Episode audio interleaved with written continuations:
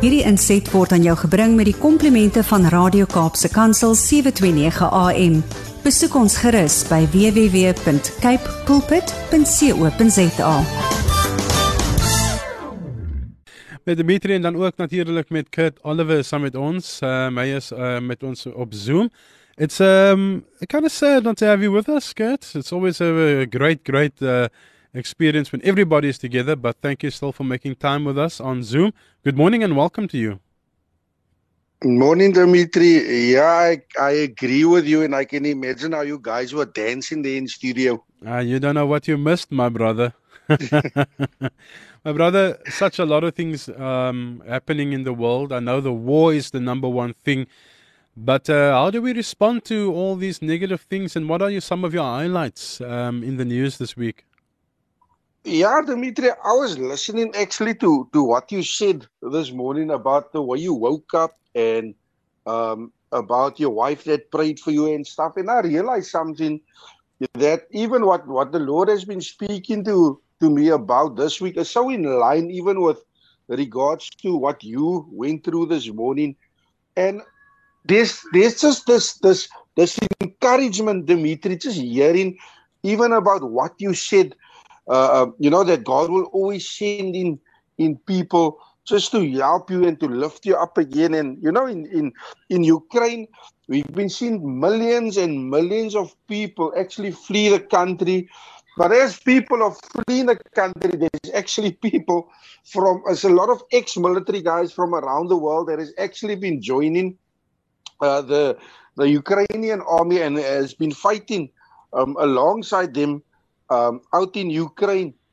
And even back home, Dimitri, we have the load shedding again. And I know yesterday um, there was protesting again, and and there's so much confusion, you know, in the atmosphere, and there's so much uncertainty in the atmosphere. And you know, um, God has just given me four points, you know, that that that I need to just just speak about. And this is four points that will actually help us through this this times of uncertainty and there's a lot to do even with with you know with deliverance dimitri. And when we look at matthew 8 verse 16 it says when evening came men who were demon possessed were brought to him and drove out the spirits with a word and healed all the sick.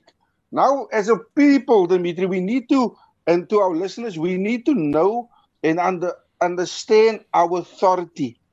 We need to know who we are in jesus christ and the first point I want to give is is we must spend time in God's presence. It's very, very important for us to spend time in God's presence. Acts 4 verse 13 says, When they saw the courage of Peter and John and realized they were unschooled, ordinary men, they were astonished and they took note that these men had been with Jesus. What happened, uh, Dimitri, is that the people noticed that there was a grace upon Peter and John's life, not because they were schooled or not because that they maybe went to Bible school, but because they could see there was a grace upon their lives because of the time that they spent with Jesus. And uh, this is so, it is so uh, really remarkable because um, um, because when when we spend time with with god dimitri you will start to see the things of god upon your life. I hope you guys are catching it. You will start mm. to see the things of god upon your life. Now remember when moses said before he went up to the mountain and he uttered these words he said i cannot go up this mountain without your presence and this is what we need to apply within our lives. I believe, Dimitri, that we need uh, to, uh, I believe we need to be mountaintop believers. We need God's presence upon our lives. And I want to ask the question Do you trust in the power of the Holy Spirit? We need to know our authority in Christ Jesus and the power of the Holy Spirit. Oh, wow. And as I said, the more time we spend in God's presence, the more of God we will carry with us. the more of the things of God we will carry with us. Number two, we need to know the word of God.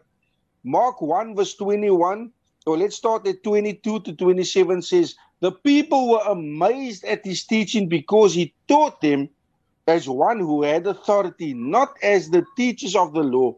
Just then, a man in the synagogue who was possessed by an impure spirit cried out, What do you want with us? Jesus of Nazareth, have you come to destroy us? I know who you are. What happened here, Dimitri? Um, and a few weeks ago, I, I, I ministered at a church and I spoke about how important the word of God needs to be within our lives because it needs to become a, a lifestyle. We need to walk by the word of God. We need to apply the word of God daily within our lives and we need to start exercising our authority so that we can receive from God and from heaven what is what belongs to us upon the earth. Number 3, humility.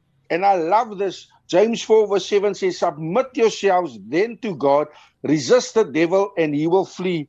And you know, Dimitri, I never realized how important humility is. The Bible says that it is only when we can humble ourselves and pray and seek God and seek God's face. That is when God will lift us up and He will heal the land again. So when God lifts you up, Dimitri, there is no man that can bring you down again. And there was a time even in my life where I thought I knew everything. Nobody could could could say nothing to me or give me uh, no advice. I thought I I was Mr. Know It All. Mm. But then God brought me to a place where He humbled me and where He made me realize that I needed to depend totally and completely on God.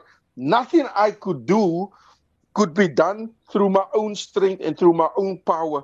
That is when I realized I needed to depend totally on God's word and totally on the Spirit of God to do certain things and to, to accomplish certain things within my life.